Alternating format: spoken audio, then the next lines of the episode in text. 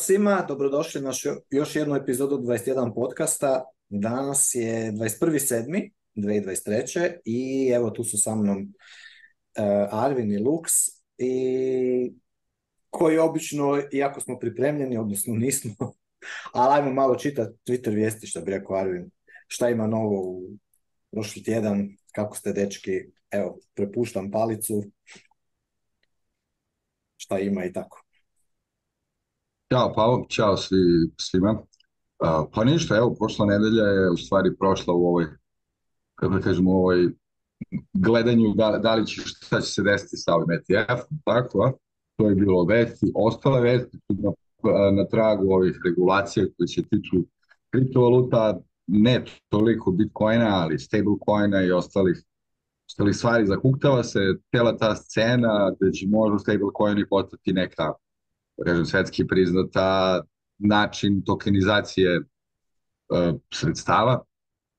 To je, to, je bilo, to je prilično interesantno za koga god interesuje to, ok, ja znam da smo mi bitcoin maksimalisti, ali ipak taj način to kako je izveden taj bridge i kako šta u stvari stablecoini rade je isto jedna zanimljiva stvar. Samo da podsjetim da znači, postoje i stablecoin network i ceo standardi na bitcoin mreži tako da to možete da radite čak, to možete da radite čak i preko Bitcoin mreža, gdje možete da ostanete maksimalisti totalni, a da i dalje opet date nešto, nešto o stablecoinima. Uh, apart from that, evo jedna stvar koju sam obećao da ću tako počinjati, prošli podcast sam obećao da ću tako počinjati svaki podcast, pa sad, pošto je početak ovog, samo još to da kažem, velika važna stvar za sve bitcoinere ostale a, e, Satoshi uradio jednu malu nepravdu time što je i token, i mrežu, i, uh, i software kojim se povezuje na mrežu nazvao Bitcoin, jednim imenom. Tako da morate to da imate uvijek u vidu i to je jedna stvar koju ćete ovako kroz razgovor da često ne ilazite i često će biti tog nerazumenja šta u stvari kad vas neki od tih anti-bitcoinera pita šta je, često u stvari se te tri stvari mešaju, tako da rekao sam da ću svake Svaki svaki da ponavljam taj klemer na početku, znači sve tri stvari je nazvao Bitcoin, Bitcoin token, Bitcoin mrežu i Bitcoin client sa toči jel kako mi, stoči client ili danas core, jel kako se to zove, odnosno software pomoću kojeg se kačimo na net. Ovaj, to je mali clarification. A za sledeći, Pavo, za sledeći bi mogli da a, raščivijemo sve ove termine u white, u white paper iskreno, mislim, prošle, zašto ovo govorim? Prošle Nedelje sam imao par razgovora sa nekim baš mladim članovima, baš mladim članovima jednog, jednog IT tima i iskreno oni su ja, čuli u Bitcoinu sve ovo što vam Pavo priča, ovo Sevidan, ovo deonice, bondovi, da li će Amerika pređu u Bitcoin, ono, ali, ali nikada ne čuli ni za jednu drugu stvar od ovog ostalog kao što, šta je time stage server? Mislim, šta, public, mislim, šta znači public infrastructure? Šta je, zašto to postoji uopšte? Kako je to namješteno? Ko je server time? Ko kaže koliko je tačno sat u tom jednom bloku? Kako mi to znamo? Kako, kako se ta vrsta standarda implementira? Da budem iskren, ja sam se najviše zaključio što oni jesu IT-evci, niko njih ne zna šta je RFC. Nadam se da vi bar date šta je RFC, takozvani čuveni request for comment, odnosno način na kako se diskutuje o jednom standardu ili o jednom tehničkoj predlogu koji će kasnije postati standard kroz telo koje se naziva Internet Engineering Task Force. Tako da, od sljedeće nedelje ćemo raditi i termine iz, iz white papera, a za ovo sam se htio da počnem sa ovim disclaimerom. Thanks. Može još jedan disclaimer. Pozdrav ljudi. Bitcoin nije token, odnosno jedinica glavna u Bitcoin mreži, nego je to Satoshi, odnosno bit, jer je to kompjuterski program. Ima 8 nula i najmanja jedinica, odnosno službena jedinica je jedan Satoshi. A stvarno, šta je vaše, da, hvala ti puno to, a šta je vaše inače, mislim, šta je mislite o tome? Bi trebali više da pređemo na to ili... Pa preći ćemo kako god okreneš, ne? No, da, eventually, naravno, kad, ne, kad, kad ćeš morati da izgovaraš te manje jedinice, ali... Mislim, Jedino to... ne znam da li ćemo i dalje zvati Satoshi ili Bits ili... ili, ili e, pa to, to, to sam mislim. Koji vam je najbolji? To... Meni je apsolutno svejedno. Baš nemam preferenciju. Evo, može Bitcoin Jam da se zove. Bitcoin Jam. Da, da, Čekaj, za šta važno. nisam skužio za šta je Eh, pitanje. Za ovo što danas zovemo Satoshi, da li, da li ćemo nastaviti zovemo Satoshi, da li ćemo početi da obračunavamo uopšte cenu Satoshi, da, koliko je to uopšte važno eh, u veličini, zbog veličine Bitcoina. Kažemo, ok, važno će biti ako je Bitcoin milion dolara, pa sad kao je, treba nam 30 satoshi. Ali zašto ne i sada kada je 30.000, pa nam treba 30.000 satoshi za nešto. Hoću da kažem, da li, jel, a, eh, ova, ova druga strana koja govori od 0,000, jel, poema u stvari malo kako da kažem, obeshrabruje ljude da šta je to uopšte, razumiješ, onda kad neko uopšte pomisli da li ja kupim Bitcoin, pa ne mogu ja kupim Bitcoin kada on košta, ne znam, 100.000 miliona, nije važno. Tako da ljudi jednostavno možda ne znaju koliko je divisible Bitcoin, ovo što je rekao Lux malo pre, koliko je divisible, za, znači, zbog toga što mi ne koristimo te manje jedinice. Da, e i ja ovako iz, iz glave recimo, evo sad sam tu išao provjeriti, 1 euro je 117 srpskih dinara i 1 euro je 370 bita uh, ili 3700 satoša, mislim da je cirka 1 euro, jel? sad, um, ja mislim da će se ta denominacija, ono, odnosno korištenje uh, da li satošija ili, ili ovaj, bita, čekaj da li nas sam pogodio, 3.700 otprilike, mislim da je 1 euro. Je, evo, pogodio sam prilike.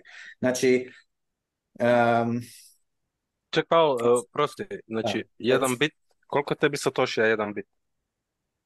Ja mislim da je 100, šta ne? Aha, ne znam, ja sam mislio da je 1 jedan, da je to to. E, da je jedan bit, jedan se da je jedan bit najmanja jedinica. Ili bajt.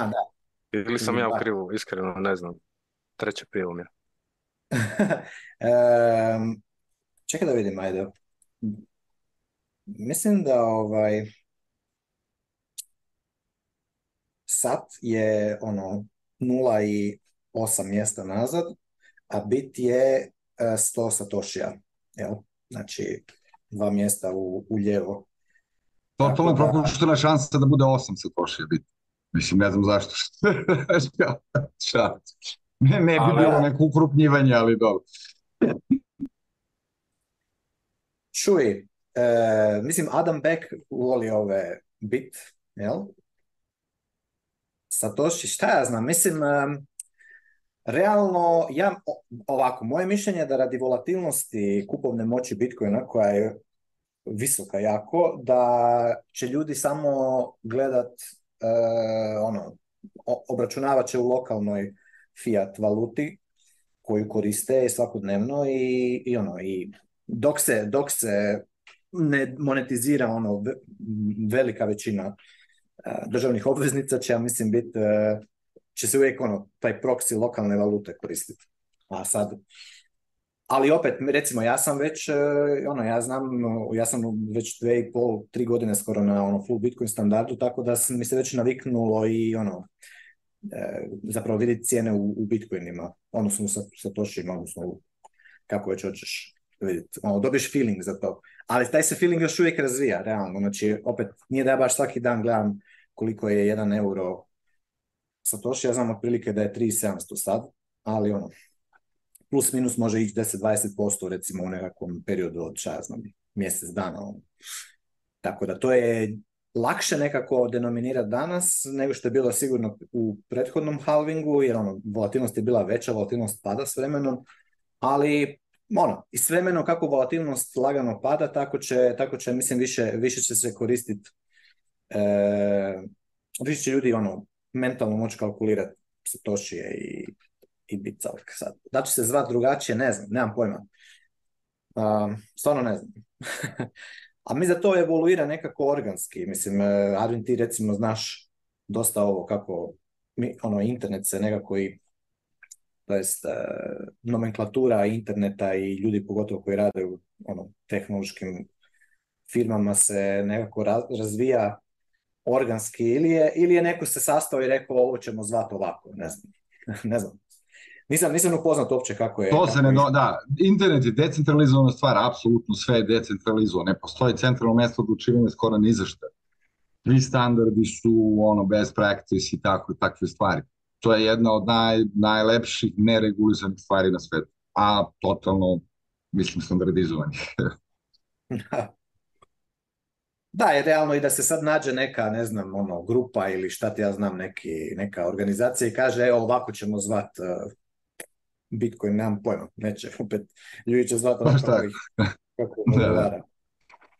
Zvaćemo pare. Ne, sitne pare, sitni kojenčić, kojenčić, bitcoinčić, o, pa što, mislim, da. Vjerojatno će biti stotine i kolokvijalnih naslova, naziva i svakog će ono. Da. Daci jednog vrapca, jedan zap, kako već sad govore, zap, zbog ovog zapovanja na Lightning E, a teo sam nešto da vas pitam u vezi ove prve stvari koje sam rekao, a to je ovaj, e, a to je ovaj ETF Bitcoinov, ja, koji je očigledno kažu ove nedelje, verovatno, možda već će se obučiti u tome se. Koliko sam razumio tamo, uh, coin, e, će im biti? Coinbase će im biti u stvari, je tako, organizacija, da govorim na srpsku, pokušavam sve da pre, pre, prevodim. da, da, da. koje će skrbiti, apsolutno, da, skrbnik, ja. to je isto čak i na srpskom i na hrvatskom, odnosno firma kod koje će kao je taj BlackRock i, uh, čuvati svoje bitcoine, da povjasnimo to ljudima. Mene interesuje to, šta vi mislite? S obzirom da je to Coinbase, da li će taj bitcoin zaista postojati koji vi kupujete ili će to biti u stvari papirni Bitcoin koji, ovaj, jel, koji će onda verovatno tako nekako utjecati na cenu. Šta mislite? znači, ja mislim da će, e, da će Bitcoin postojati na Coinbase-u, odnosno da Coinbase skrbi o Bitcoinima, ne znam koliko ih imaju, 600 e, tisuća ili koliko, nemam pojma koliko je, ili više E, jer e, e, mislim da će, mislim da će ono, to, taj, taj, kako se to kaže, eh, ne znam prevest, creation redemption proces na ETF-u će biti uh, honoriran od strane Coinbase-a i da ljudi koji ono, prodaju ETF, prodaju svoje udjele, u tom ETF-u, da će istovremeno Coinbase eh, promijeniti eh, vlasnika zapravo na, na svojoj platformi, a onda i dalje će nuditi opciju da ti možeš povući bitcoine sa, sa, sa Coinbase na svoj eh, wallet gdje ti kontroliraš privatne ključe, odnosno imaš Bitcoin u svojem posjedu. A, mislim da se neće događati ono što se događalo sa zlatom, imamo onaj zlato ETF, znači ti isto možeš kupiti zlato ili bilo koju drugu zapravo ono, robu komoditi, evo više kako prevodimo, robu, ali bez da uzmeš tu robu u posjed. Znači možeš ti kupiti e, oil ETF, znači ono, možeš kupiti da, naftu. Zato možemo da, tako je, neće ti je dovesti u dvorište da, ti istovare, tako je. tako je, se... iako to se sjeća 2020. ono kad je bio onaj krah financijskih tržišta, onda se dogodilo da je cijena nafte zapravo u jedno kratko vrijeme išla negativno, zato što su ti e, financijski instrumenti zapravo ono istekli, ljudi nisu mogli pri, primiti tu naftu u posjed. E, to je bilo jedno kratko, kratak period. Ali šta hoću reći, znači poanta je da ono šta, ono se ne trebaju bitcoineri brinut, šta se recimo neki ovi gold bugovi brinu oko toga, je da će na neki način bit manipulacije e, cijenom bitcoina kroz taj ETF. Naravno, onu manipulaciju cijenom bitcoina koju mi ne želimo je da se ona supresira, da, je, da pada. Znači da sad recimo u Bitcoin ETF stru, sruši cijenu sa 30.000 dolara na 3.000 dolara, ono, da je u 10 puta smanji. Meni bi to bilo cool, da kupim još. da, da kupi, e, ali upravo to, znači upravo ono što ono je razlika, jer šta, recimo da se, e, šta, šta je stvar u tome što ti Bitcoin možeš e, orders of magnitude jeftinije uzeti u svoj posjed E, i maknuti ga sa tog mjesta gdje se, on, gdje se on čuva. Jer on se zapravo ne čuva u nekakvoj fizičkoj lokaciji, nego je on u cyberspace to je informacija. Jel? Tako da ona može putovati u prostoru na potpuno drugačiji način nego što putuje zlatni, zlatne poluge u prostoru. I, jer zlatne poluge realno moraš, ono, koštaju jako puno, koštaju 3000 eure, košta jedan, jednu onu zlatnu polugu od 12,5 kg prebaciti recimo iz Londona u New York, plus još koliko košta verificira da li je 12,5 kg zapravo zlato sve ili je nešto nekakva legura unutra. U usporedbi sa Bitcoinom, znači ono, nećeš ti, ti dok platiš 3000 dolara uh, mining fee, Bitcoin još će narast ne znam koliko, milijun puta, a nećeš toliko, opet, vrlo vjerojatno nećeš toliki iznos platiti mining fee. Možda hoćeš za 100 godina, a ono efektivni.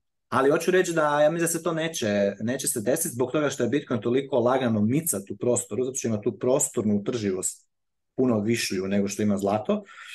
I da onda ako i slučajno probaju napraviti ono, tiskat, ajmo reći, više tih ETF-ova nego što imaju Bitcoina u, u, ovaj, u rezervi koji se mogu doći u posjed e, samih vlasnika, onda će ovaj, to jako brzo jako brzo će, će tržište arbitrirati taj premium, odnosno discount na, na tome. Tako da ja se tu nemam nekakvih... Mislim da je to samo pozitivno jer, jer ETF generalno će samo otvoriti ogroman flow, ogromnog kapitala koji će čak i da se samo malo diverzificira u Bitcoin, ono, pumpat, pumpat cijenu. Ma ono ja... samo je pitanje da li će ih imati zaista na stanju u nekom cold walletu, da li će oni stvarno kupovati to ili je to neka vrsta i dalje finanskih kako kažem, potpore tipa mi imamo novca, da možemo da kupimo 100 kojena i on je na dedicated računu koji je posvećen za to, ali tih 100 da. kojena nije realno na njihovom povotu U tom smislu govorim. Pa, apsolutno, mislim, to će, tržište će to odmah testirati. Ajmo reći neka, neka kad dođe ona ETF, dođe 2024. godina, halving, ajmo reći 2025. godina, Bitcoin ono probije eh, all time high, probije 100 tisuća dolara, dođe na 200-300 tisuća dolara i sad recimo neko ono se u desetero. Da se naplaćuju, počelo se naplaćuju ljudi, da. Da, i onda se neko hoće prodat' taj ETF i ono, i hoće uh, ono, izaći van ili hoće, ili hoće povući Bitcoin sa, ono, na svoje, hoće prodati ETF, uzeti taj, taj fiat, staviti ga na, na, Coinbase i povu, kupiti Bitcoin s njime, povući Bitcoine na svoj, eh, ajmo reći, u svoj custody, u svoje skrbništvo. ako Coinbase kaže, e, gledajte, nemamo holtam, ono, ne, ne možemo biti e, onda je banana. Da je, ali to se još sa Coinbase-om nije dogodilo, tako da ja mislim da Coinbase je do sada uvijek honorirao sve withdrawale, kao i Binance, by the way, znači ne vidim, mislim, možemo mi uvijek FAD raditi, uvijek mi možemo govoriti Coinbase. Panzar Safu. Da, ja kažem, mislim, ali što se tiče samoga honoriranja, barem do sada tih withdrawal zahtjeva, oni su bili do sada korektni po tom pitanju ne znam da li je neko imao iskustvo, ako je neko imao iskustvo, to bi se već... Ma ne samo sam pitao da li postoji u stvari neka vrsta regulacije s obzirom da je to zvanično prihvaćene tebe, da postoji neko nadgledanje na time da li kako se ta, sredstva koriste ili je to zaista stvar onako kako to inače Wall Street da, radi, tipa zapisi koji su... Da, da. Mislim da je, da je da nije to klasičan ETF, nego su sredstva e, držana u trustu i i onda treba samo vidjeti koji su detalji tog ugovora i na koji način je to formulirano, kakve su mogućnosti sudionika. Koliko ja znam, nema opcije konvertiranja paper bitcoina da ti možeš vidrovat taj bitcoin, nego on tamo sjedi cijelo vrijeme. I ne znam da li imaju obavezu pokrića 1 naprema jedan iskreno. I, ali mene zanima druga stvar. Imali smo raspravu u grupi, ti si Jarvi rekao da US companies e, moraju po zakonu držati Bitcoin kod kvalificiranog skrbnika, ako se ne varam. Third party, tako je, mora da bude third party. Ok, to mi je onako, ne znam, buffling ono da ne možeš držati svoje pare, ali druga to nisu pare. Zato što ih država tako smatra, razum. Da su novci, ali... možeš trezor ali ne, ne smiješ da imaš trezor, mora third party. Tako da, e, takozvani asset. Ono. Ali e, ono što ja očekujem od tog ETF-a da bit će e, glavni učinak koji će imati na Bitcoin je nekako dugoročno smanjenje volatilnosti, jer to su sad već ozbiljni igrači, algoritamsko tradanje i velike pare u igri i likvidnost i ne kažem da će oni manipulirati cijenom, iako tredanje znači manipuliranje, ali ova volatilnost velika koju smo imali do sada možemo očekivati da će se smanjivati onako Da apsolutno, ali ja samo hoću da ono razmišljam na glas. Da li, mislim čujem i to, da li će to značiti zakucano onda cenu za narednih 15 godina? Znaš, jel te firme, te kompanije, toj količini novca zarađuju na points of the points, znači na, na, na nula procena, nula zarez nešto procenata, na points od procenata. Hoću želim da li to možda onda kao neki ono e, nail finalni koji posle te korekcije koje dođe evo, posle tako velikog igrača i ETF-a, da to bude neki finalni, mislim, koji neće izgledavati neke velike oscilacije. Da li, ođeljam, da li to može da isključi ovo number go up? Iskreno, ja ovaj, mislim da će se više desiti druga stvar, da će svi licencirani money menadžeri, e, financijski savjetnici i brokeri, tako ulagači, odjednom imati pristup paper Bitcoinu i, izlaganju cijena, cijeni i da će tu nastati velika potražnja i ono mislim da će da jednostavno neće imati izlike bilo koji fond menadžer ili upravljač investicijama da uključi, da bude izložen cijeni Bitcoina.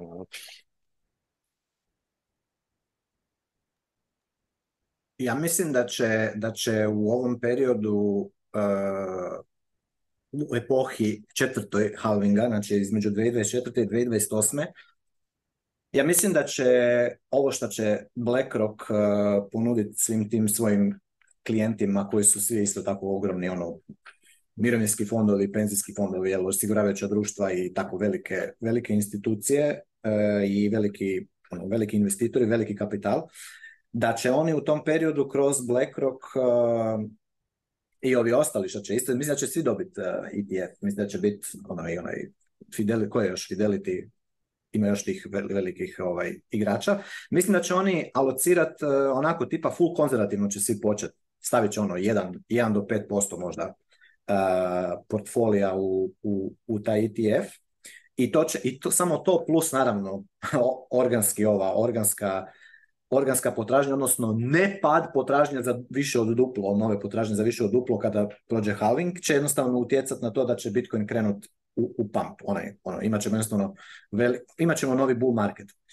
Ono što ja mislim da će se, ono što je pitanje sad stopa koliko će biti volatilno, da li će biti, mislim sigurno ima faktor da je Bitcoin danas manje volatilan nego što je bio kad je tek krenuo, je zato što jednostavno ta, ajmo reći, ukupna inercija je puno veća, ti imaš puno više, puno veći bazen danas likvidnosti kojega trebaš dignut gore, ali opet, nego što je bio na početku, ali opet, ti kad gledaš koliki je iznos eh, sveukupne vrijednosti financijskih tržišta danas, ne znam koliko je to otprilike, recimo 200 trilijuna dolara, 170-200, financijska likvidnost globalna, ehm, znači ti imaš Bitcoin koji je sada niti, niti jedan trilijun, znači ono, da ga oni u, u, napumpaju deset puta u sljedećem, u sljedećem ovaj, bull marketu, opet se može dogoditi veliki krah. E zašto? Sa, zašto? Ja mislim da će dalje biti volatilan bit će možda još malo manje volatilan nego što je bio u ovome bull marketu 2021. zato što 2021. E, je taman krenula i 2020. taman je ono krenuo taj mega, mega printing, jel? E, od, poslije, ove, ovaj, korona ludila je, je ono počelo to masivno printanje i ovaj i, ali onda krenulo i zaoštravanje, zaoštravanje monetarne politike. Znači sad su kamatne stope više dosta, krediti su dosta skuplji i nije, nije, ovaj, nije baš tako, neće, ja mislim da neće baš biti toliki, toliko spekulativnog kapitala koji će tako brzo uletavati u Bitcoin i pumpati mu cijenu gore, jer opet ne treba zaboraviti što mu više napumpamo cijenu Bitcoina, to je novi mining output inflatorniji uh, i to je sell pressure starih hodlera veći. Znači, e, i, I to će se uvijek negde, opet, um, u nekom trenutku će ta, ta parabola puknuti i opet će, i opet će krah biti. Sad je pitanje da li, će, da ćemo napumpati do, ne znam, pol miliona ili ćemo napumpati do 300 tisuća pa past. Uh, a to je pitanje. Znači, mislim da nećemo na, ne, nećemo ići na efektivnih, ne znam, 10 miliona dolara u sljedećem ciklusu, um, jer ako bi išli, to bi značilo da imamo 6.25 bitcoina po, po bloku, e, ono, 60, 6,25 eh, milijuna dolara po, po bloku novog, novog bitcoina koji bi se krili. To je puno eh, za absorbirati organskim, organskom potražnjom, a kamatne stope nisu toliko niske, niti su negativne da bi baš mogli povući toliko buduće potražnje u, u present Ko ovo tu nije odmah neka valjda nazad pa, pa posluša, ali znači mislim da u sljedećem bull marketu a, zbog toga što su veće kamatne stope e, će biti malo manje spekulativno kapitala nego što je bilo u prethodnom bull, marketu, što znači da će Bitcoin cijena rast nešto sporije u smislu da neće onako parabolično otići gore, ali jednako tako to onda vjerojatno neće toliki drawdown imati kao što je imalo, kao što je imalo u, u prošlom bad e, marketu, ne, 2022.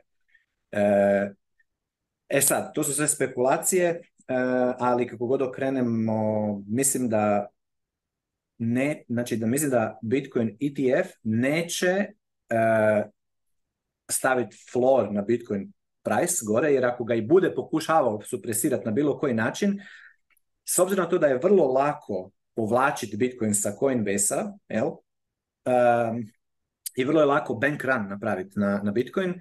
E, ako budu iko to pokušavao raditi, to će se jako brzo ovaj, arbitrirati e, u smislu ovaj, tržišta. Jel? Tako da e, to uopće nije concern. I Bitcoin će samo nastaviti dalje, ono, opet će imati halving 2028. i opet će se cijela, situacija ponoviti. Ako ne bude se nova marginalna potražnja prepolovila 2028.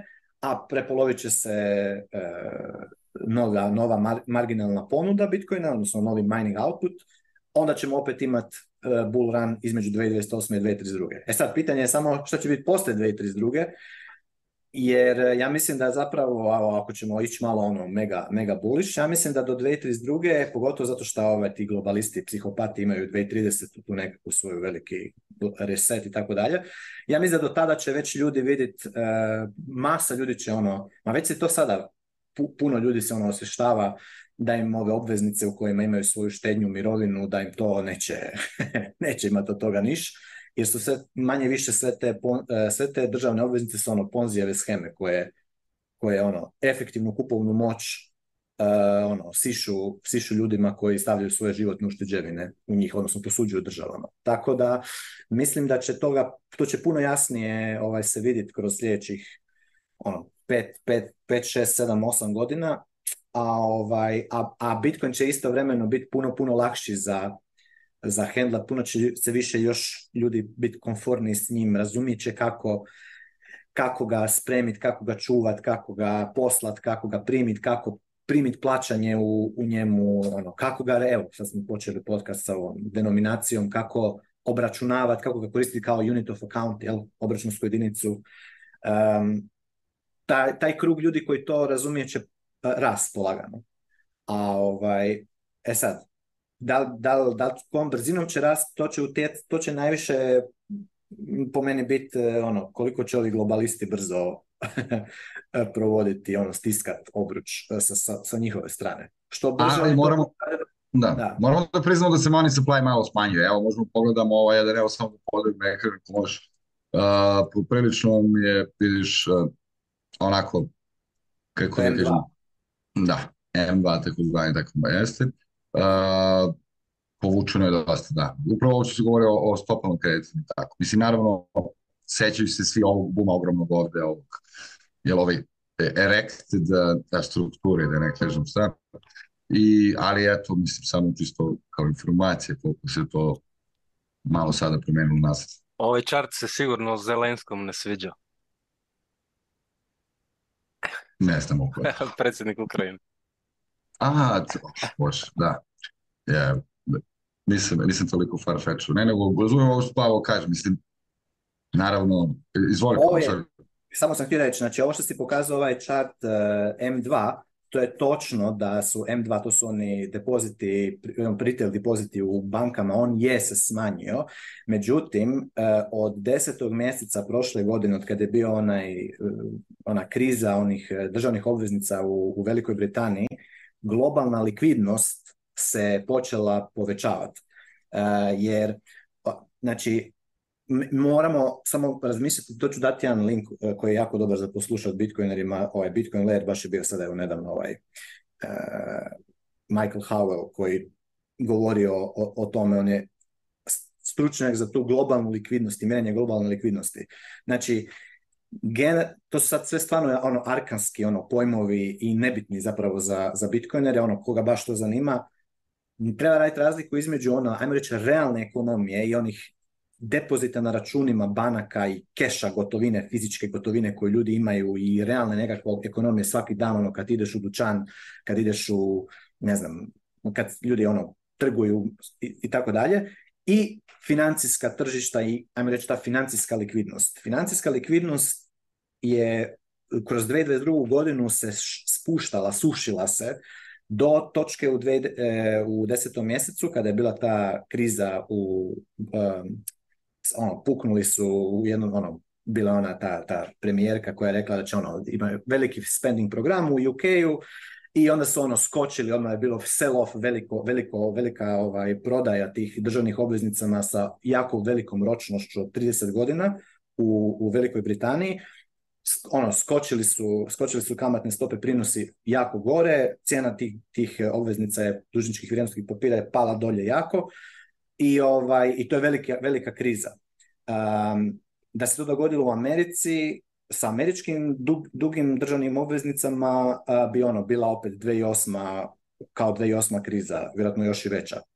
Ali to, znači od, to, tog trenutka globalna likvidnost je počela rast, zato što su ipak centralne banke, mislim imamo i to smo raspravljali u nekim od prethodnih epizoda, ona ima BTFP program. Ako se sjećate u trećem mjesecu ove godine kad su ono banke propadale u Americi i tako dalje, pa je američki Fed stavio taj Bank Term Funding program, ono, oni su kupe kupe te obveznice koje su, koje su pale, koje više recimo ne vrijede 100, nego vrijede 80, ali oni ih daju, daju bankama ono kredit, zapravo likvidnost da po, po cijeni od 100, ne? jer će te banke kao to držati do, pa kako je to kapitalizam, Pavo? Kako je to kapitalizam? to je za bankare je... socijalizam, a za narod kapitalizam?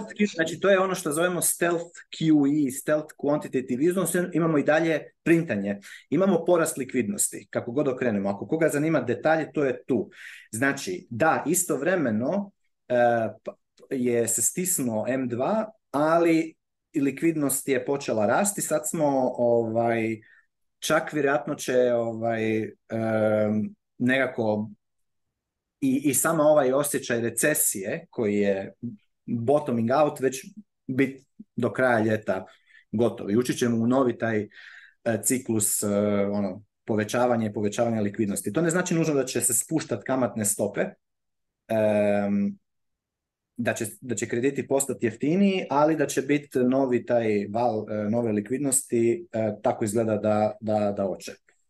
Ali da, ne, znači nije, nije Fed, da, da Fed zapravo hoće ono, se, da, da se ono, hoće zaštititi kupovna moć e, fiat valuta, to bi, to bi podrazumijevalo ono, šta, li prodat sve te duge, dugoročne državne obveznice i da onim njima bi njima bi skočila, skočili ti prinosi ono, strahovito, a vrijednost bi im se srušila.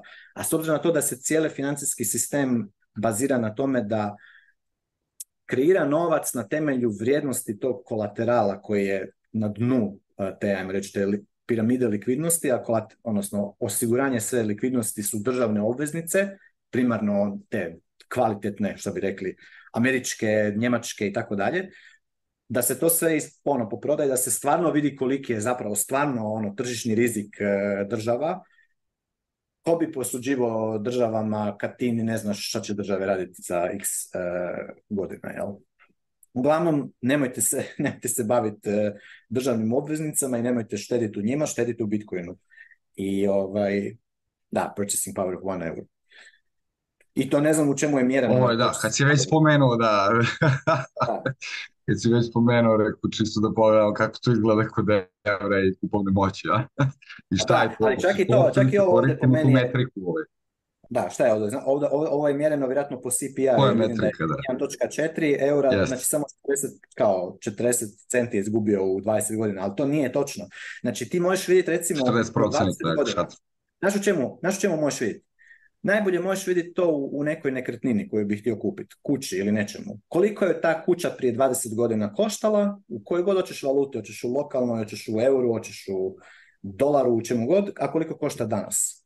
I vidjet ćeš kolika je stvarna stopa inflacije. Nekretnine su manje više pratile tu stopu uvećanja monetarne baze. A I kuglice je... da na obali. I kuglica, s time da kuglica da opet moraš uzeti u obzir. Kakva je bila prije 20 godina koliko je bio udio mlijeka, masnoće mlijeka, danas se kuglica, ono, šta je danas mlijeko? Ti danas imaš mlijeko sa 0,9% mliječne masti, znači šta, 99,1% voda je to, jel to u biti nije mlijeko. ne znam, znači, si gledao, imali smo veliku raspravu to šta je mlijeko, tako da pripar, pripar pazio, ovaj, ovo sad pa, ovo sad ne, ovaj, nego vešta, Hoću da kažem da nije ovaj, isto mlijeko što nekad bilo, imali smo to isto. Slažem Kako god okrenemo, bitcoineri hoće osjećati veliku deflaciju cijena. Jel, cijene denominirane u, u, u Bitcoinu, hoćeš u ćeš u bitovima, kako god ćeš ih denominirati, ali denominirane u Bitcoinu padaju. Padaju cijelo vrijeme dolje. Znači sve, sve ti je jeftinije i jeftinije. Jer jednostavno je to tako. To je, to je, to je iz mog iskustva, na svih iskustva je tu um, slučaj, tako da štedite u Bitcoinu, koristite Bitcoin kao novac, nemojte štediti u ovim e, ponzima i, i, skemovima kakvi god oni, koliko god bili zvučali sofisticirano, pametno, državno i ne znam kako, uređeno ovamo i onamo, ništa od toga. To je sve skem. Tako o, nego prije si Arv spomenuo, je li to kapitalizam? Pa znamo svi petu točku Marksovog e, komunističkog manifesta da je centralna banka preduvjet Pavo ne ne da je centralna banka je preduvjet ono, za, bilo kakav komunizam ono, i totalitarizam. naravno ja sam ovaj, e, u ono pravcu Eh, naravno 2008. sećaju se svi 2008. Preko 6 miliona Amerikanaca izgubilo kuće. 6 miliona uh, kuća je bilo na foreclosure. Preko 20.000 ljudi umro direktno toga što se toga mislim, a na stranu koliko je ljudi ostalo zauvek su siromašni, zauvek van svoje kuće, kućnika i tako, jel? I samo ću napomenuti ljudi da je jedna jedina osoba odgovarala pred sudom i završila u zatvoru za celu 2008. To je onaj Karim Seralgin, former executive credit Suisse, koji je osuđen zbog mismarking bonds prices to hide losses. Znači, šest miliona ljudi je ostalo bez domova, preko 20.000 direktno umrlo od, od gladišta, od beskućništva, od toga. Hiljadi milioni porodica su ostali u trailer parks, bez svojih kuća jedan jedini čovjek je kažnjen. I to kratkom zatvorskom kaznom, i to čovjek iz Credit Suisse, znači ne iz Stanley Morgana ili, ili, ili, iz, ili iz ili iz neke od tih velikih kompanija koji su na kraju propali. To, ja ne vjerujem da će se oprati ta ljaga ikada, što se tiče ovog trenutnog finansijskog sistema na vozitu, ne vjerujem da će oprati tu ljagu ikada, to će ljudima sigurno posvesno ostati. Taj način na koji su ih da kažem, komunistički spasili sa jednog prilično kapitalističkog ovaj, tržišta. Eto, samo to. Da, ali ja bih samo rekao da oni koji, ako će iko završavati u zatvoru, samo što ja ne bih da niko završava u nikakvom zatvoru, ali ako bi iko trebao završavati u zatvoru, bi trebali biti svi regulatori, činovnici, birokrati države američke, koja je uvela subvencije na stambene kredite na način da su imali onaj svoj onaj Fannie Mae i Freddie Mac, jel, koji su rekli mi ćemo vama subvencionirati dizanje vašeg kredita. Radiš u Meku, nema veze, možeš kredit. Nema veze. da objasnimo šta se desilo. Da, tako, je, tako je. I u Meku su mogli da igram kredit. Sve su to opet, to su super namjere, to su dobre namjere, to je onako, svi se može reći, svi smo mi birokrati imali dobre namjere, s tim proizveli su 6 milijuna ljudi koji su ostali bez te kuće, koji nisu naravno mogli otplaćivati, nisu bili kreditno sposobni e, za nju otplaćivati, jer se stvorio ogromni balon. Jel? Ovaj, ali Rut, da se, ne, da se ne igramo, znači Rut je, opet država koja je došla i svojom funkcijom sile nametnula znači da napravila distorziju u ekonomskoj, u ekonomskoj dinamici ponude i potražnje e, kredita konkretno za to. Znači, i onda je... Ono, pa znači... dobro, naravno, leži u tome odgovornost, ali ne možeš da kažeš da je kriv neko ko nije dobro kontrolisao ovog lošeg čoveka što je nešto mis iskoristio pogrešno, jer kao nije mogu da shvati da će on da napravi derivat toga. Mislim, ok, to je sprega te dve stvari, lošeg zakonodavstva i neetičke strane industrije, ipak moraš da ga priznaš. Jer nije to baš samo zbog toga što su padali ne, zbog toga. Oni su upakovani u derivate i lažno su im stavljene A, A+, e, te, da bi mogli lakše prodavati u to jednom ono, dugu derivata koji je bila igra da, taj derivat, a zašto je taj derivat uopće došao? Zato što si imao Fannie Mae i Freddie Mac koji je po zakonskom, po zakonskom ovaj, kako bi rekao, e, mandatu otkupljivao odmah sve te, sve te, sve te ove, kredite po po državno reguliranoj cijeni. To ti isto kao da sad ti država kaže ne valja to što, ne znam, cijena kruha je, ne znam koliko je sada kod vas u Srbiji, koliko je kilogram kruha. 70 centi, 80. A, 80 centi. I kaže, to je previše, ne valja to, mi ćemo fiksirati cijenu ko prodaje preko, ko prodaje preko 10 centi, ide odmah u zatvor. Šta bi se desilo?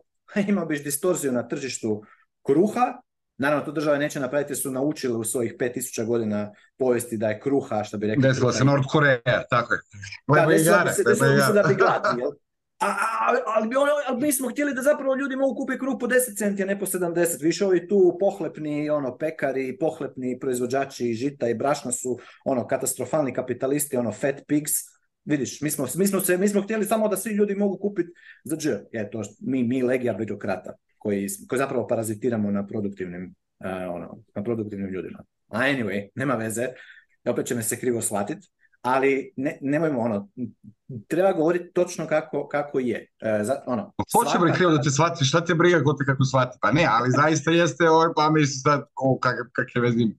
Ovo, ovaj, ono kažem, i jedno i drugo, naravno, ovi su od njih ih tapšali po ramenima zbog takvih zakona, da bi ovi ovaj, uzimali deo, naravno, i, ali ona, ona vlast je smenjena, Obama više nije tu, niti bilo, a oni su i dalje u, u, i u Fedu, White House, zato imamo Bitcoin, zato je Bitcoin jedino tehničko rješenje. Nije, nije, vidi, kao što znamo, vidimo da nije rješenje bilo izabrati druge političare druge birokrate, jer nije stvar u tome da mi biramo ljude koji su dobri ili su koji su loši, nego je stvar u tome što ti ne možeš na, na sistemskoj razini imaš takve ono strukturu tih incentiva takvih da u jezgri svi, svega toga imaš e, ono e, državu koja ima monopol nad silom i koja s tim monopolom nad silom e, sa silom zapravo intervenira i radi distorziju u tržištu. Kako se bude više Bitcoin monetizirao, tako će se manje monetizirati državni dug, koji je zapravo sada i glavni izvor financiranja, jel? E, većinski, i onda će se država pomalo smanjivati, jednostavno neće imati toliko, toliko, toliko izvora financiranja. Kako se država smanjuje, tako i njen utjecaj u ekonomiji će se smanjivati, manje tih distorzija, manje tog biznis sajkla, manje idiotskih e, politika kao što je bilo to što je dovelo do 2008 odnosno što je dovelo do te ekspanzije, nije 2008. se samo preko noći desila kriza, nego je ona se kuhala od 2000-ih i kad je već su krenuli sa tim fenima? ovim sredstvima koji su upisao malo pre, ovi money fame, pa tako. Samo da kažemo ljudima, mislim, ipak pričamo za, za publiku. Mislim, tu imamo, evo, mi imamo tu u Hrvatskoj, e, kako se to kod možda će ovaj, Luk zna, ovaj, naša, kako je ono, društveno poticana stanogradnja ili stambe, kako bi, onaj, stom, kao stambeni krediti koji imaju subvenciju za mlade ili za ne znam šta, i uglavnom šta je, šta je ono, pro, Stanovi. da, ili čiji god već, kako se već zove. Stanovi, da. Ne, stanovi. E, društvena, na stanogradnja. Šta je efekt toga? Efekt toga je naravno da je onda samo porast cijena nekretnina veća i zato što, zato što država subvencioniranjem cijena nekretnina za neku grupu Em šta je to na početku, otkud je to fer? Šta će se opet neki birokrat reći, e, gle, mi ćemo uzeti ovome i jer ćemo dati ovome, jer mi tako smo, evo, tu smo, mi, naš je posao da to radimo, znači to je naš ono, svrha egzistencije, da uzimamo ovima i dajemo ovima, naravno u tom procesu ovu jednu dio ostavljamo sebi legalno, jer smo zaposleni u, u, toj e, velikoj mašineriji zvanoj država, ali ono, efekt toga, koliko god je to ono zvuči super, je, to znači da će mladi ljudi moći jeftinije e, se zadužiti e, i ono, otplaćivati kredit sa subvencijom, a efekt toga je samo porast cijena nekretnina za taj iznos koji je, za tu misa lokaciju kapitala, za taj iznos koji se ono poveća potražnja za nekretninama i za kreditima i tako dalje. I opet na kraju dođeš na isto. Ne na isto, nego na još gore, zato što zapravo imaš još tu, taj, tu distorziju samo, same, same ovaj, samog tržišta. Znači imaš kapital koji je uništen, koji je stavljen u nešto što, što je zapravo bio krivi, skriven signal cijena zato je država problem, zato je država cancer, ali cancer kojega nema ti sad, to nećeš se ti boriti nikakvim protestima, nikakvim izborima, nikakvim glasanjima, nikakvim trupljenjima, nikakvim ono, pa, boriš se sa, da je ne hraniš. A hraniš je trenutno, ako držiš svoju, svoj novac a, i svoju štednju u državnim obveznicama, tako je hraniš. Ako, je, ovaj, ako to makneš, likvidiraš to i staviš to u Bitcoin, a e onda ih više ne hraniš. I onda on prirodno ono se smanjuje. Ovaj, Platili ste do sada da je Pavao ovaj, taj, taj lik, ono smrt države i to. Šalim se, ja sam pa, malo... se da malo jako voli državu, ideju države i demokracije. I, i, država je socijalni konstrukt, naravno. Država je socijalni konstrukt, ali i privatno vlasništvo je socijalni konstrukt. Tako da, ok, možda, tu ima i vlastnih raznih uglova. na primjer, ima civilizacije koje će se bez toga, pa, izvini, ali mislim, zar ne, cela Južna Amerika, cela Severna Amerika, te Native American su ostali Pa ne znam baš, ne znam baš. A da, mislim, da, da, apsolutno mislim, ima nikakvo osjećaj vlasništva. Ne, ne, nije postalo vlasništvo, privatno vlasništvo kao stvar. Znači, mislim, da, naravno imao si, ne znam, svoj luk i strevu, svoju odeću, svoje patike, ali da. nisi imao da. imaš svoj deo zemlje, svoju reku ili ne znam, tako nešto. To je, to, taj koncept su doneli u stvari ovi drugi nego belcima da, ma i to isto, to je ti bijelci su kao, bijelci su donijeli ono, sve, to, sve to loše i ropstvo i tako dalje. Nije to baš, da se razumijemo, ono, ne kažem ja sad tu da me se ne opet ne krene, nismo ono, u Americi da, se, da smo u ali realno, znači, ono, robovlasništvo i, i, i, i sve to, ajmo reći, pri, sile nad, nad voljom, slobodnom voljom drugog čovjeka nije ekskluzivno E, stvar u rasi bijelaca. To je, imaš, bilo je toga i u Africi, bilo je toga po, po Aziji, bilo je toga po svugdje. Znači, um, tako da, ma ali ono, ne, ja bih se možda složio za Slaver. Slaver sigurno nije bela, šatina belaca naprotiv. A, da se nekako ne uvredi, a bolje bolim ovaj, je mislim, e, a, a, da Arati su ovaj, poznati kao jel, enslaveri cijele Afrike, mislim i ta cijela diskusična. Mislim, da. kažem, ti pojmovi, naravno, pojenta koliko je neko surov u jednom društvu, znaš, zavisi možda samo to koliko moć ima. I, I zato su ti checks and balances jako, jako važni, tako kažem. A opet je pitanje šta su, šta je ono, pitanje kako definiraš e, roba. Evo, to je baš bilo, bio ovaj Peter McCormack i ovaj, kao mu je bio, tamo rekao mu je... Ja, obre, kako možeš možete slušati tog McCormacka, stvarno, lajte. McCormacka, ma ne znam, on meni, on, iz, meni izleti nekad, neko drugi ga stavi na, na Twitter, pa onda vidio sam ovaj kratak 30 sekundi. Meni totalno blati, totalno neinteresantno. Toto, izvinjavam se, mislim, ako opet nekome sad ja vređeno osjećanje, ali mislim, Pedro. Okay. Dobro, Pedro ima nekad nekog gosta koji je dobro, recimo bio je dobro, ima nekoliko, onako, možeš čut nekad od gosta nešto pametno, ali on sam po sebi je NPC. Pa sam, e, to što ti kažeš, pa ono, kad ima pametnog gosta, M je glup, M se pravi glup i onda bude korisno za svih. Ono. Ali ovisi o gostu, da. Ovisi, da. Ja ovaj, slušao sam ga posljednje ono sa Erikom, na primjer Erik Volom što bio i bukvalno je ono izgleda kod dete i odrastao čovjek da priče, mislim, bukvalno je taj, toliko je intelektualno su, Erik da ono, mislim, glupo je, ne mogu mu objašnjati osnovne pojmove, osnovne koncepte, mislim. A još je ovaj kao čovjek jel, koji je zaradio toliko bogatstvo i futbolski klub čak od, od Bitcoina ili i podcasta. Da, ne znam, evo, ali ja kao, evo, što sve u toj cijeloj dobroj, dobroj duši, to sve mora, e, to je jedan princip isto onako koji bi trebali svi primjenjivati, uvijek e, pretpostaviti na najpozitivnije moguće, jer tako bi mi htjeli da se nastaje. Ja, Pedro je Pedro, ono, statist je kak, kak sa god, kako god već, slažem se je, ali čovjek ima dobre namjere i ja se nadam da se barem polagano uči. I tako isto, isto, isto stvar spada i, odnosno, primjenjuje se na, na, na državne birokrate. To su ljudi koji imaju dobru namjeru, koji žele dobro i u koji ali znate kako se kaže da je put do pakla popločan s dobrim namjerima, namjerama. E. I, I da imamo danas isto tako robovlasničko društvo u jednoj drugačijoj formi robovlasnička, ja se s time slažem, jer e, ono, rob, ultim, ono, 100% rob je neko čije je, sto, čije je cijelo vrijeme, što je zapravo svaki čovjek ima resurs njegovo vrijeme, jel? to je jedini resurs koji zapravo ima, ako tvoje vrijeme neko drugi uzima, odnosno kontrolira, upravlja u, onom, u onoj mjeri koliko upravlja, toliko je, ovaj, toliko je, ajmo reći, gospodari tobom, odnosno toliko si ti rob u toj ekstentu. Ako si ti, ko ti svo svoje vrijeme koje imaš, moraš e, raditi ono što ti kaže gospodar, ti si onda 100% rob. I onda mu je ovaj rekao kao ako si 50%, ono, ako moraš 50% onoga što, što odradiš zapravo ono, dat državi, 50% poreza, onda si 50% rob. Ovaj je rekao, pa nije, ja, ja se ne osjećam. pa mislim, ono, ne znam šta bi rekao ono na to, da, mislim, mi jesmo svi u jednom... Da 51% možda bi se osjećao, 50, da, da, 51 tako. Ali, ne, da, naravno, šta je sloboda, da. Da, ljudi su, ljudi su prije puno lakše vidjeli šta je rob. Ono, ako rob recimo u godinu dana, ne znam, rada na nekom polju proizvede tisuću kilograma nečega i ako mu ovaj dođe i uzme 500, onda odmah se vidi da je on e, rob. Ili ako uzme ono 900 ili 950, e, to to je feudalac. To, to je feudalno uređenje, da, da, ne, robovi su dobili ništa, mislim, neka čak ni hrana, nažalost, ali da, ovo je feudalni sistem koji i tako.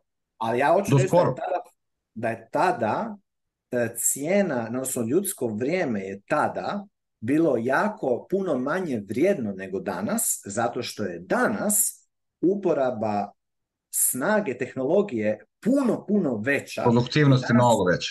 A pa ako produktivnost je mnogo veća, danas ja mogu raditi godinu dana ono kopat e, krumpire sa, sa jednom ovom tu i neću proizvesti niti 200 kila krumpira. Ali ja ako recimo uzmem e, koristim svoj mozak i ono preko laptopa mogu upravljati sa ono stotinama tisućama tona ono opreme koji mogu proizvesti tone i tone i tone e, ono krumpira i još drugih stvari ne samo sa jed, znači, moje vrijeme u tih godinu dana je danas puno vrijednije nego što je bilo tada i zato danas ta robovlasništvo nije na taj način manifestirano, da ono čovjek fizički radi, jer, fizički njegov rad je bezredan, potpuno. Danas imaš ti mašineriju koja može zamijeniti tisuće ljudi. Jel? Znači, ono, ko će kopat, e, šta ćeš kopat sa prstima, ono, boksit iz čega god ili... Kobalt, kobalt i dalje kopa rukom, nažalost, i da, da. E, nekad se, nažalost, da, ali to je ono, opet, zašto, nije, zašto, ne, zašto je ovaj, da se makne, da se makne monopol nad silom, jel? I da se ljudi uhvate onoga principa ne, poti, ne krenut u agresiju, znači non-aggression principle, ljudi bi ono, tradali, ne, znači ne bi, i bilo bi više... Afrika više je možda najbolji, Afrika je možda najbolji primjer ovoga što Pavel priča, ja naravno ne vjerujem u, te, u to, ali na, ima jako dobrih primjera kako i gdje to pokazuje da je zaista tako. Na primjer, meni je jedan primjer ta neo-postkolonijalna Afrika, koji su, mislim, gomila afričkih naroda bila ubeđena da onog momenta kada ode Britanije, da su oni stvari samo evil, kako da kažem, da su oni evil government. Kada bude dobar government, onda će jel, procvetati sve, svaka država i tako. 95% što se pokazalo da nije važno da li su Englezi ili njihov government, government radi jednu stvar, on će ostati promašni, bez obzira i odakle to, da li to kolonijalna vlast ili tvoja vlast ako se ponaša na neki način određeni, onda zaista nema tu pomoć. Da.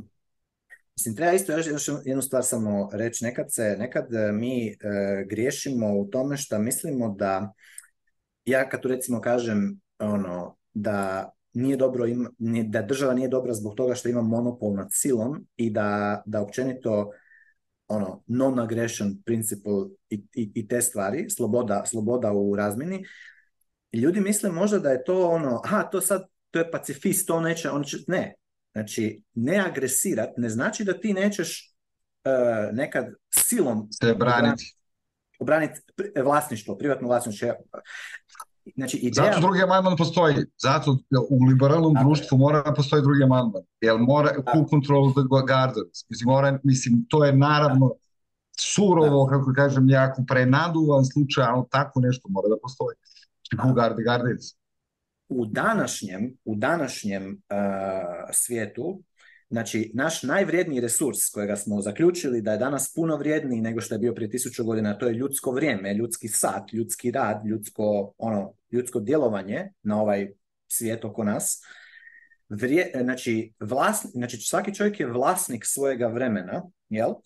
I, ovaj, i zaštita od agresije na njegovo vrijeme, zaštita od, od, od, od, od otimanja, oduzimanja vrijednosti njegovog vremena Najjača zaštita je Bitcoin danas. Znači, nema jače zaštite od toga. Znači, zato je to, uh, zato je Bitcoin toliko strahovito velika stvar za cijelu civilizaciju. To zato će Bitcoin toliko i promijeniti tok, mjenja već tok civilizacije. Znači, ovu svu silu koja decivilizira, to je ta sila države koja monopol ima nad silom i zbog toga ekstrahira najveći resurs ljudski, a to je njihovo vrijeme, ekstrahira jedan dio, naravno ne sve, se razumijemo, ne može država sve, ali ekstrahira jedan, jedan negdje u nekim dijelovima planeta više, negdje manje, ali manje više gdje god ta struktura, taj cancer postoji, on ga ekstrahira, on ga buče van, da ljudi ni ne znaju.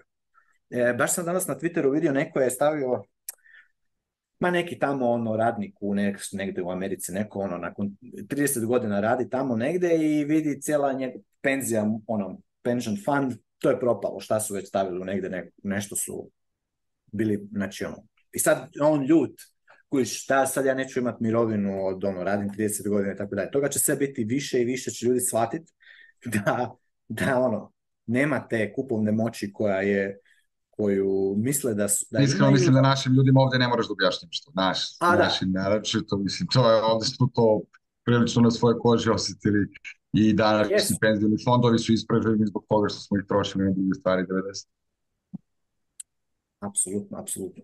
Samo i dalje većina ljudi drži svoju štenju u mirovinskim fondovima, koji kod vas u Srbiji vjerojatno ulažu u obveznice e, Srbije, kod nas u Hrvatskoj u hrvatske obveznice, e, i svugdje, ono... Ali ne možeš, ne postoji privatno osiguranje, da, ne mogu, ne mogu ja da se izdvojim iz tog sistema, znači ne mogu ja da uplaćujem, mislim da je zakonski moguće, ja bi i sebi to, naravno, ali... Bilo bi lijepo nema tih M4 ili kako se već zove, ono, nema taj faz kao neki ti, ti stavljaš na, na neki rat pa ne možeš da optinuješ, mislim, a ni, niti iz ovoga može da opt-out, što je to.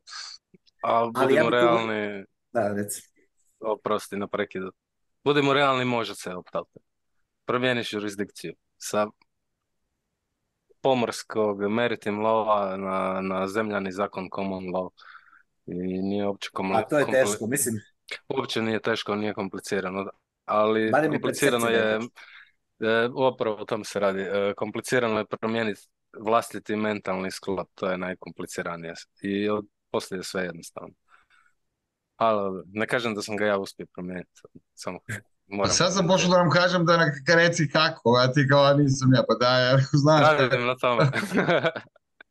ovaj, ako se e. može, ja bi isto volio to, ne, znam, ne znam.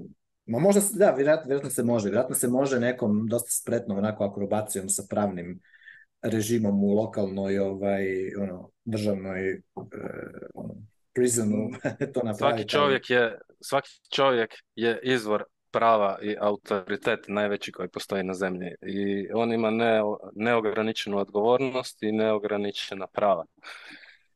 Mi se, mi danas u ovom sistemu e, imamo ograničena prava i ograničenu odgovornost jer smo nesvjesno potpisali određene ugovore sa korporacijama koje zovemo država, sa korporacijama koje glume da su države.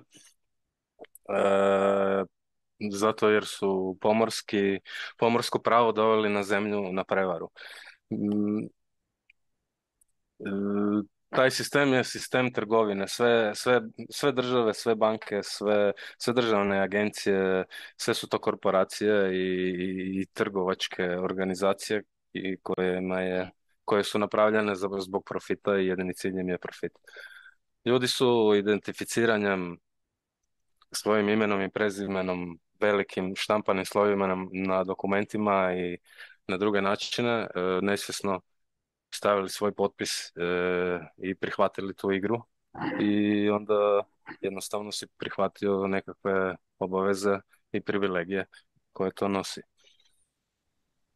to je takozvani social contract, da, koji potpisujemo, jel, ta ideja social contract je od i, i, još ranije ovaj, od, od drugih teoretičara filozofa i zaista tako.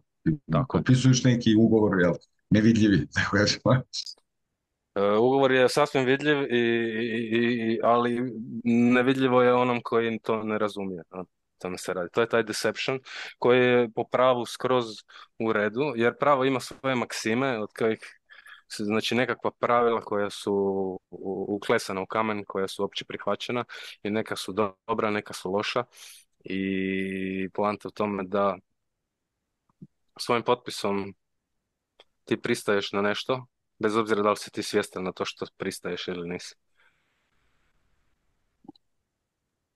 I onda je to valjan ugovor. Ali tako stoji i u zakonu, znači ti si krivi ako ne znaš da si prekršio zakon, tako piše tog to... da, ali jednom kad, jednom shvatiš da je kako to, znači e, pošto je druga maksima zakona da ugovor je nevaljan ako obje stranke nisu E, ono full disclosure, ne, znaju sve detalje. i, zbog drugih maksima, isto tako to je sve ništavno praktički, mora se samo realizirati pravno. Pa duga, duboka je to zeća rupa. Moraš nam dati ovaj, linkove za te, taj rabbit hole. Da, pa stavio sam jedan nakon prošlog podcasta u, u grupu i vrlo rado ću ih još nadodati. To ti ono, da li ja mogu voziti auto bez tablica Ne samo to, možeš voziti auto pun droge i oružja 200 na sat, bez tablica. Ono, dokle god ti nekom drugom ne napraviš štetu i... bez konsekvenci to. Tako da. E, ali ok, ali onda kada, ali kada recimo me zaustavi e, policija i kaže di ti je, I... su ti dokumenti, ti kažeš nemam, ok, isključen si iz prometa, E, ako ti kažeš ne, nisam ja isključen iz promjena, ja, sam, ja ću se uključiti ili isključiti kad ja hoću, šta ćeš napraviti ukoliko policajac inicira agresiju, e, a ima... Ako si crnac u Americi, napreći polju sebi, ali Mislim... E, ok, čekaj policajac kad te zaustavi, e, tebi je najbolje da odradiš sve diplomatski, da budeš e, najbolji prijatelj sa policajcem. Onako, to ti je, e, diplomacija je čudo i, i dobre ljudske namjere. Kao prvo, taj policajac je zaposlenik određene korporacije i njegov posao je da sprovodi polisi, politiku mhm. te korporacije. On ima jurisdikciju samo nad članovima te korporacije. Mhm. Ti ako nisi član te korporacije, on jednostavno nema... Prosto znači moraš članiti iz korporacije. Mi smo već svi učlanjeni u tu korporaciju od rođenja, ono, od, od rodnog lista, roditelji su A kako se iščlaniš? Kako, kako, kako kažeš neću više... Na isti način kao znači, papirologijom. Papirologijom? Tako je. U stvari se upišeš negde na neku pacifičku državu, je li to? Ma, ili kao živiš na brodu, ili nemaš, nemaš pa Imaš opcije, ti si kao čovjek izvor prava i sam svoja država i možeš biti e, kao strani diplomat, kao ti si praktički strani diplomat u ovoj državi. I Imaš drugu stvar, e, imali smo nekad prave države, takozvana Republika Hrvatska koja je ustavno pravno republika, nije korporacija i to je onda zajednica živih ljudi i po zakonu zemljanom, common law, to je ta prava država, nije korporacija po maritim law koja glumi da je država. I međutim, sve te, institucije su danas nepostojeće, treba to sve reinstituirati. Nema u Molim? Nadam se. Je li Hrvatska republika? Danas? Je li Republika Hrvatska? Ili je samo Hrvatska država? E, Hrvatska, e, Republika Hrvatska je naziv korporacije. Interesantno. I možeš to provjeriti, mogu staviti linkove i sve agencije državne su sve korporacije i svi sudovi su korporacije i to je sve bazirano na trgovini. Znači, zato, zato je mašinski dobio bail od bond od, od koliko miliona dolara, to je sve trgovina. Znači, pro... Pustili su mašinskog, stvarno? Nisam pa, znao. bite i to je to. A su ga prepustili, uhapsili su ga prekjuče. Svašta. Da, zapravo da. res publika, ako bi bilo ono, ovo je zemlja, država koja, gdje, je, vla, gdje, gdje je zakon... Gdje uh, je pravo vrijedi, znači, znači kako se kaže, zakon. Znači, to je ono, rule of law, rule of law, ne? Da. To znači republika, znači da je, da je, ali što jest čovjek je kralj na ovoj zemlji, ima, dan mu je dominion.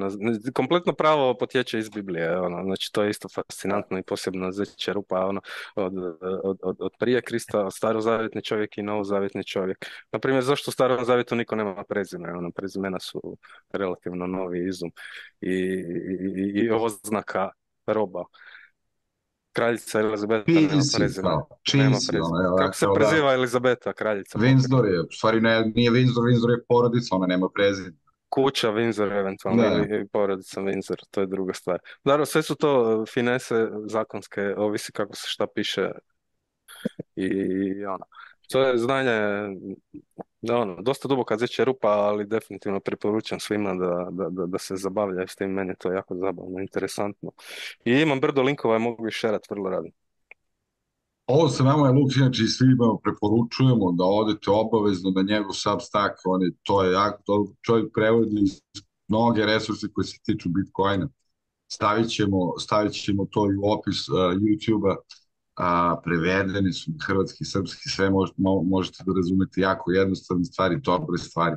Na sajtu njegovom možete nađete vodiče, koji mobilni telefon koristiti, mobilne aplikacije, Lightning, sve one stvari koje često pitate u grupi, koje se tiču everyday e, komunikacije i uređaja, pogledajte na ovom web sajtu kod Luxa, koga ste sad čuli, Lux, hvala sve što radiš. Hvala, hvala. Share, like, subscribe. Share, like, subscribe. Njam, njam. Ice cream good. Mm.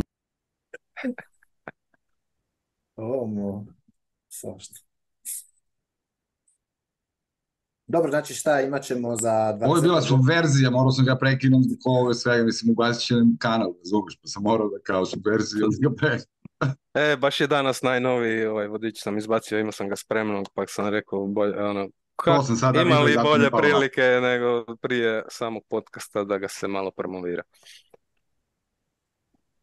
Ne, stvarno ljudi, idite ovdje i pogledajte. Ima dosta prevoda, dosta stvari koje niste našli nigdje našim jezicima. To Luk, sedi kući, razmišlji prevod. Obično na poslu. Kući, sedi na brodu, izvinjavam se. Da, to. Isključivo na poslu. I Pao, ti posle kaže kako je efikasno vreme i kako se, mislim, koliko smo efikasni postali. Mislim, čini ti na poslu možeš da gledaš i ti, da se obraduješ još jednu dodatnu stvar i da radiš svoj posao koji ti inače trebalo 7-8 sati nekad. Točno, da, da, stvarno je... Postali smo jako produktivni, da. E, ovaj, ne znam, Zanimljiv mi je ovaj, ova zečja. Hoćemo sljedeću, ili ćeš sad u rupu da raspravljamo? Ma nećemo. ne, ne, aj, pa ajde, da, mislim, ja sam za, nema problema. Ja... Samo da, ne možeš ti dan, da, e, još treba, ja mislim da treba još vremena da se, da se, da se malo veća masa kritična onako skupi ljudi koji će onako imati koji će imati vremena uopće za, za razmišljati o tim stvarima, jer realno velika većina ljudi sada zapravo nema vremena, jer taj, taj glavni resurs im je onako istisava im se iz njih. Tako da ne mogu ni vremena razmišljati o ovim stvarima, ali zapravo je jako interesantno, jer realno manje više sve te glavne stvari u životu su ti ono, nekako izdiktirane sa tom, što bi rekli, pravnom fikcijom. Uh, ali priče, storytelling, to je važna stvar, storytelling se sve počeva na tome, sve je stvar priče, pa mislim, zašto bi uopšte postojali socijalni takvi konstrukci da nema priče. Ne znam, mislim, da li ste e, Lex Freeman je bacio pre par dana ovaj intervju sa ovim Igual Ferrari, Herari, kako se već zove, e, e, izraelskim, onim, da, on, izraelskim istoričarom koji je pisao one knjige Homo sapiens, jako popularne knjige naučne popularne nauke, da tako kažemo, o, o, o istoriji naše vrste. Iskreno, ja pre tog intervjua sam imao i dosta, da kažem, još uvijek sam imao nešto pozitivno njemu da mislim posle ovih intervjua stvarno, mislim, onako malo je to neki anti-human sve, pogled na svet, ali dobro. Na stranu to ću, samo sam htio da kažem da ovaj, on uporno tvrdi da je glavna evolutivna sposobnost naše, naše civilizacije u stvari je to, dakle, narativ, E, da verujemo u neki narativ, da smo sebe za narativ, da smo, da smo jav narativom. E, pokušavamo da dostignemo nešto više od nas. I Mislim, verovato ta teza stoji, to nije toliko vezano za, za istoriju ili za istoriju vrste, koliko za svaki dan to doživio. Da, ali, ali on je u pravu zapravo, jedno, e, kako ćeš gledati na jednoj razini, jer realno ta, na, ta sposobnost ljudi da pričaju... Ne, to sa narativom, naravno, to je sasvim pravo, to da. sam pošao da kažem, to je, neo, to je sigurno tačno, to je jedina zaista razlika između... Je, je. A mislim, nije, e, ono, nije, on, on što on kaže da je novac uh, shared hallucination, kao... Uh... A to, nastavak tog intervjua, da, mislim, Eh, Ima to je, stvari to je koje su jako To nije, to nije točno, jer mislim da je točno, onda ja mogu halucinirati da, da su novac ono krumpiri, i što je IOU, ja tako je. IOU je ono- nešto drugo, ma daj, mislim, a drugo je numeraje, on, on meša numeraje i, i novac, meša jedinicu i, mislim... Da, da. Ali dobro, naravno nije to... Ali je, je, što se tiče toga da čovjek... Sad bitcoineri postali. Istina je da je priča, da je čovjek sposobnost njegova da priča priču, da uopće da priča i da komunicira s drugim ljudima, da je to ono što ga dijeli od, od, od životinje zapravo, jer e, da, da, da, da životinje... Paranje narativa, totalno izmišljenog narativa. Niko neće, po... znači oportunizam, ovo drugo što mi govorimo oportunizam, jel taj životinski, da ne veruješ, jel da za drugo bolje nešto ćeš nešto sada da uradiš. Či znači, nema nekog narativa koji te tera da razmisliš dva puta ili bilo šta, nego uvijek radiš instinktivno. I mi za to kažemo da je animalno ponašanje, kažemo da je životinsko ponašanje, kad radiš instinktivno. A za ovo drugo kažemo humano civilizmano ponašanje. Da, da. Da, je, je, slažem se, interesantno.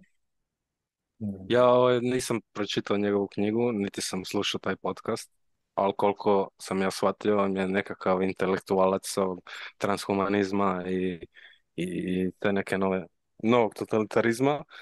E, ali želim reći, on može biti pravu jedino u ovoj jurisdikciji pomorskog prava, di što god e, direktori korporacije narede svojim radnicima, more, oni to moraju, njima je to pravo, ne? njima je to za koji tako da, s te strane može biti u pravu, iako opet kažem, svako ima izbor. Da.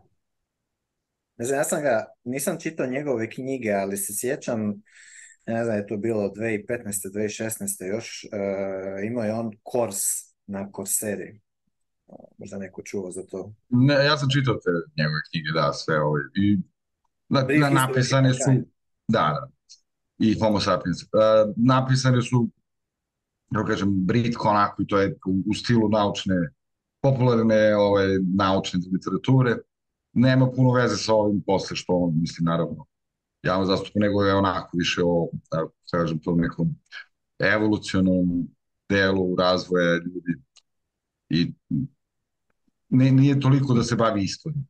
Kasnije, mislim, u ostalim se bavi istorijom, ovo se više bavi nekom, recimo, antropologijom. Da, da. Ili kao njegovom teorijom povijesti, kako je bilo, Brief history of humankind, vidiš kako bože gledam sad tu. Sjećam se. Bilo mi je to interesantno gledati, slušati, ali da.